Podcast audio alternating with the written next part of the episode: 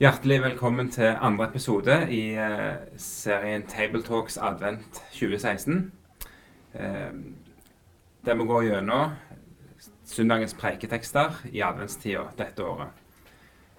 Tabletalks er produsert av eh, nettsida foross.no, en nettside som eh, byr på ulike ressurser om kristen tro og liv.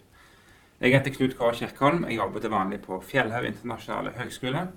Med meg så har jeg Torkil Masvi som er pastor i Messiaskirka her i Oslo. Og så har jeg med meg Sverre Bø, som er professor på Fjellhaug.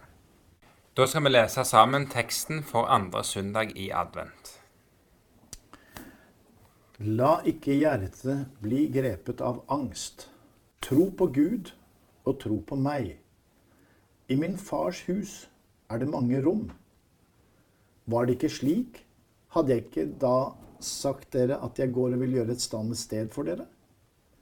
Og når jeg har gått og gjort et, i stand et sted for dere, vil jeg komme tilbake og ta dere til meg. Så dere skal være der jeg er. Og dit jeg går, vet dere veien.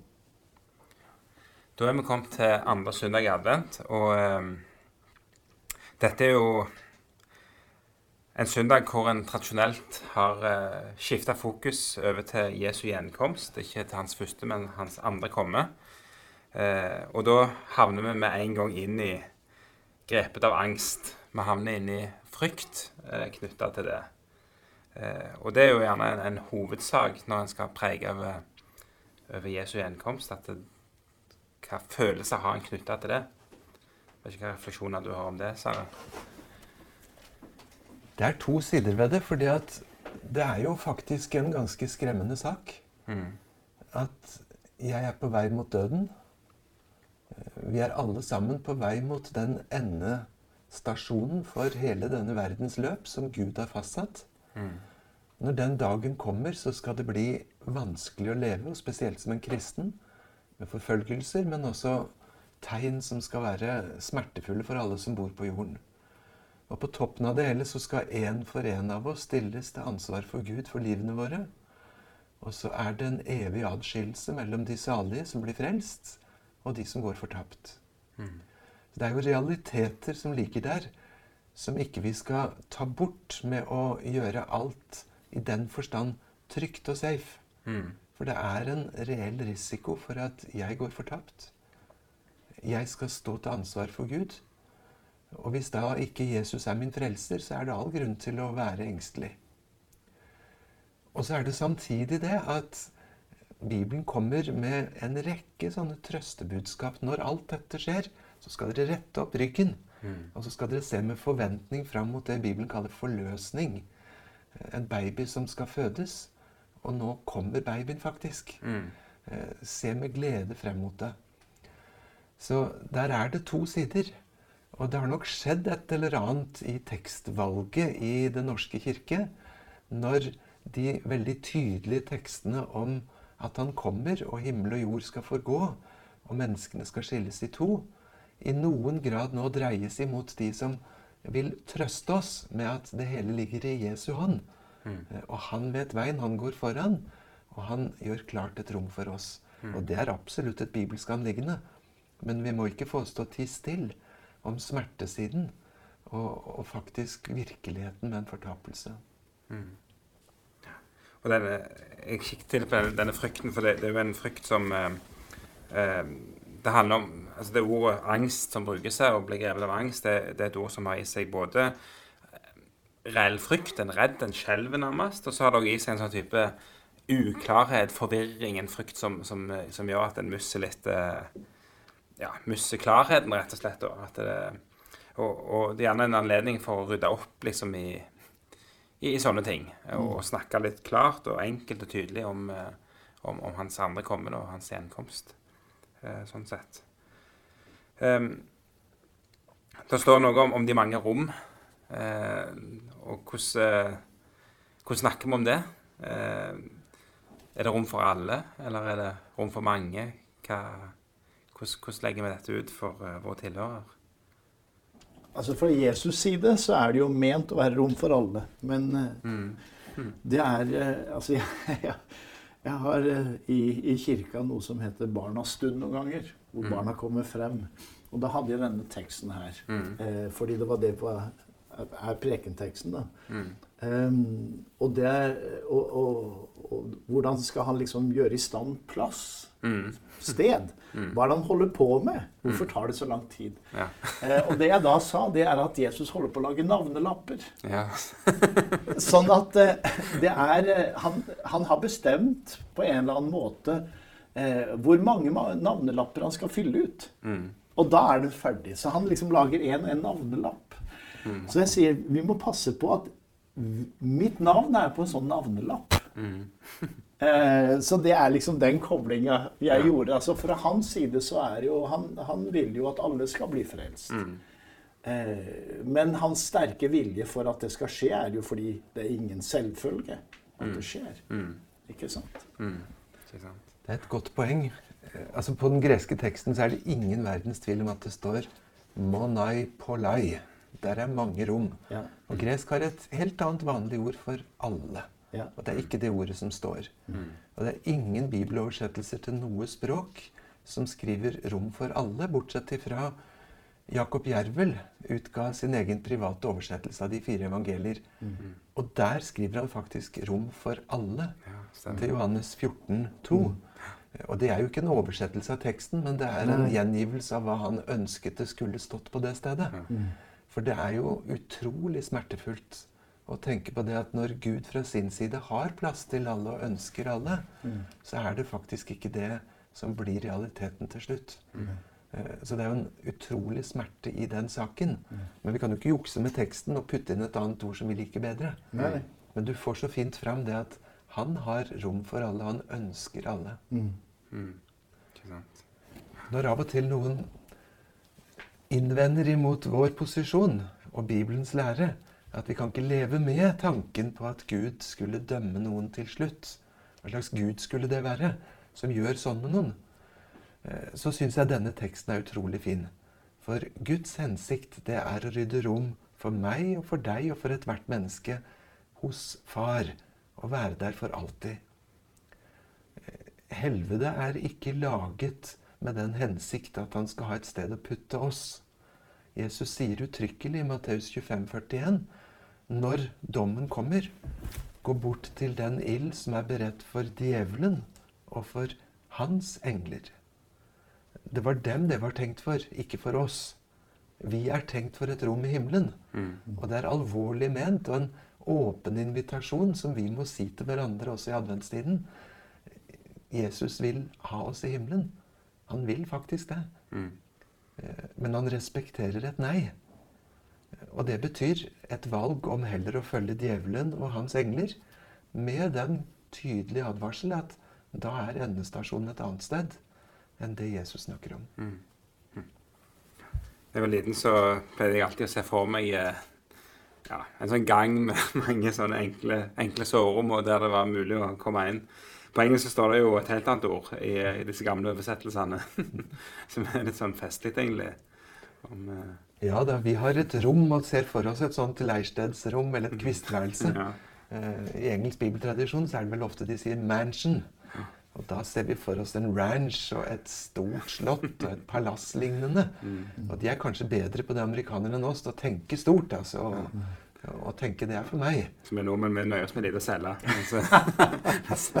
Det greske ordet her er ikke egentlig verken kvistværelse eller mansion. Det står rett og slett et sted å være. Ja, Og forbli. Og bli lenge. lenge.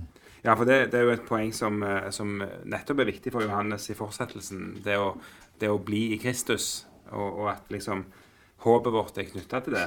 At eh, det å forbli en plass, og, og være i Kristus, da. Så det, så det, det er jo absolutt eh, gjerne det som vi særlig må knytte an til. Og dette er jo trøsteord til Jesu egne når Mm. de ikke ser ham. Ja.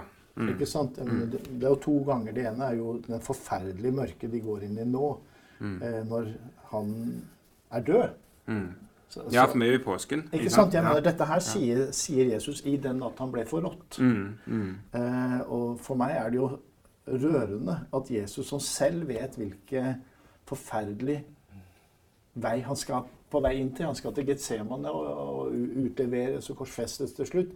Så tenker han på dem. Mm. Han forbereder Ja, dem med sånn trøsteord som, en, som er lagervare nå. Ja. Sånn at de skal overleve de neste 30-40 timene. Mm. Eller hvor lang tid det nå det hele er fra han snakker det her. Men, men det er jo liksom fordi det er dette komplette mørket han gir dem sine egne disipler trøst til, så er det også trøst til de av oss som nå lever i denne ventetiden før han kommer tilbake, hvor det er en og annen av oss som noen ganger kan oppleve det temmelig mørkt sjøl. Jesus, om du hadde vært her synlig, så hadde det vært så mye lettere for meg. Mm, mm, Eh, og da gir han disse trøsteordene, da. mm. At eh, jeg kommer. Ja, Eh, og når jeg kommer, så har jeg enda noe enda bedre for deg. Ja, for det holder jeg på å Ja, gjøre i stand. ja. Mm. Ikke sant. Ja, det, det er et eh, fint poeng, altså. Ja. Og, og det at han gjør i stand, altså det eh, Det ligger så mye, mye det òg. Jeg husker da jeg var liten, så da var det en jeg, jeg så på en måte for meg at han var byggmester og drev på og snekra og, og Ja. lagde rom. Og Ja. du har snakket med navnelapper til ungene. Og, Ja.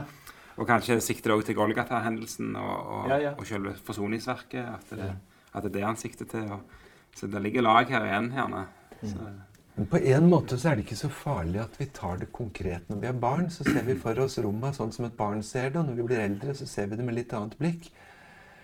For Bibelen har jo valgt å kommunisere med oss inn i vår virkelighet. mm, Den kan snakke med oss om gater av gull, men også om noe så grønt som livets tre og livets elv.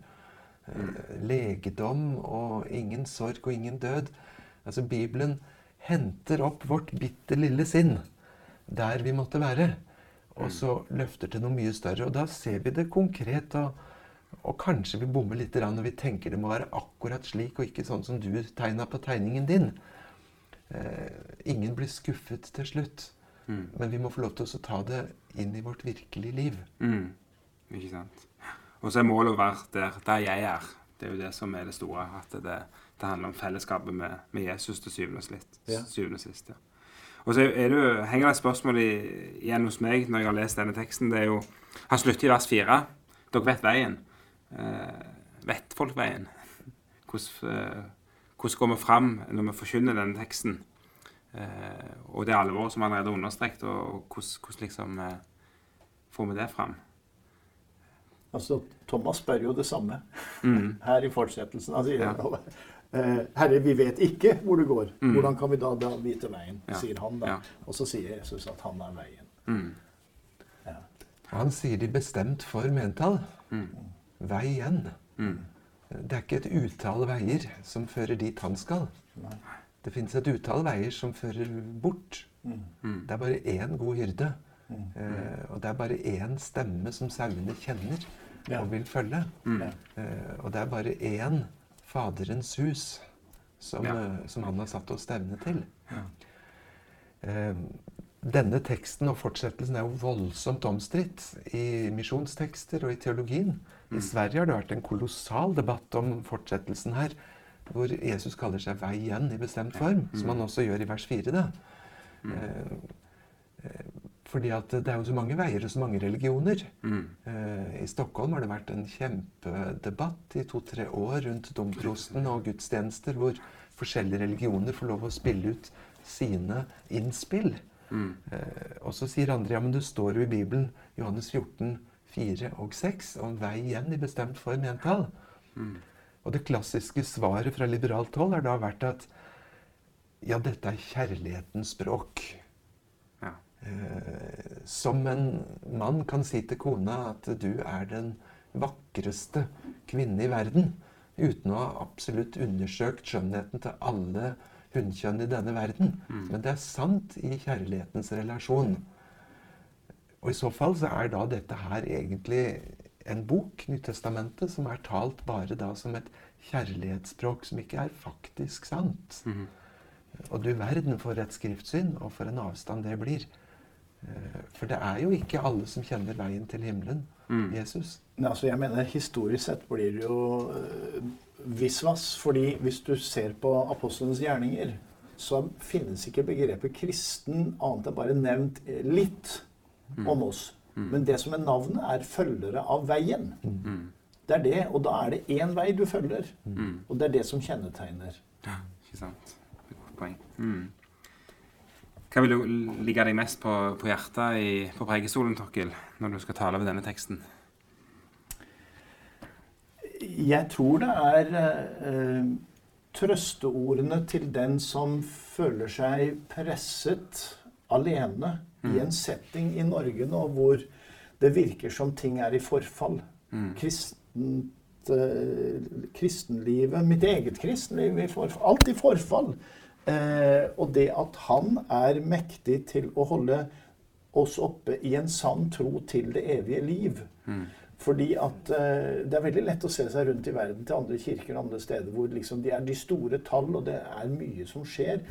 Eh, og det og De fleste jeg forholder meg til, er jo folk som nå er ganske få. Mm. Det er små grupper. Eh, de føler at de fleste vennene vil ikke være med dem og følge med på veien. Så, så denne her ensomhetsfølelsen og det at Jesus er med sine, og han har noe stort eh, som han har på lager, og vil, når tiden er moden, så vil han komme. Til sine. Ja. Stemmer. For meg så er denne teksten veldig knytta til en eh, hendelse da våre barn var små. Vi bodde i et rekkehus med en lekeplass rett utenfor på Fjellhaug. Og eh, kona mi er utrolig raus med kaffe og kaker og boller og det som er. Og så hun noen der ute, så tok hun med seg en kaffekanne ut av det hun måtte ha bakt. Hun baker mye. Eh, og så hendte det jo at eh, mange kom, da. Så var det en eller annen episode hvor, hvor Heidi og jeg var oppe på og, og hvilte, eller hva vi gjorde for noe. Og så plutselig begynte vi å høre noen lyder nede av folk som kom. Så var det altså et av barna våre som hadde stått på trappa og sett at der var det noen foreldre og barn ute da, som uh, småhutra litt i regn og litt kaldt og sånt noe. Og så klappa han i hendene, sånn som han var vant med å se mor. Og så sier han 'Vil ikke dere komme inn og spise litt kaker og drikke kaffe hos oss?' og så var han jo helt sikker på at mor og far syntes det ville være en strålende idé å fylle stua med egentlig ukjente mennesker som skulle få litt kaffe. Her går Jesus gjennom Israel år etter år. Og så inviterer han hjem til far. Ikke på en kopp kaffe og en kvarters prat, men for at dere for alltid skal forbli hos far og mor. Tenk for et evangelium. Han er helt sikker på at far i himmelen syns det er en strålende idé å fylle med syndere og tollere og hvem de måtte være, det som skal være Guds bolig for evig, og fylle opp rommene med oss. Mm. Tenk at han inviterer. Mm. Det syns jeg er så overveldende i den teksten. Ja, Stemmer. Mm. Med det så eh, ønsker vi å takke for i dag, og takke for at dere fulgte med oss. Og håper dere ønsker å følge med på de neste episodene og av Tabletalk Advent 2016. Bye.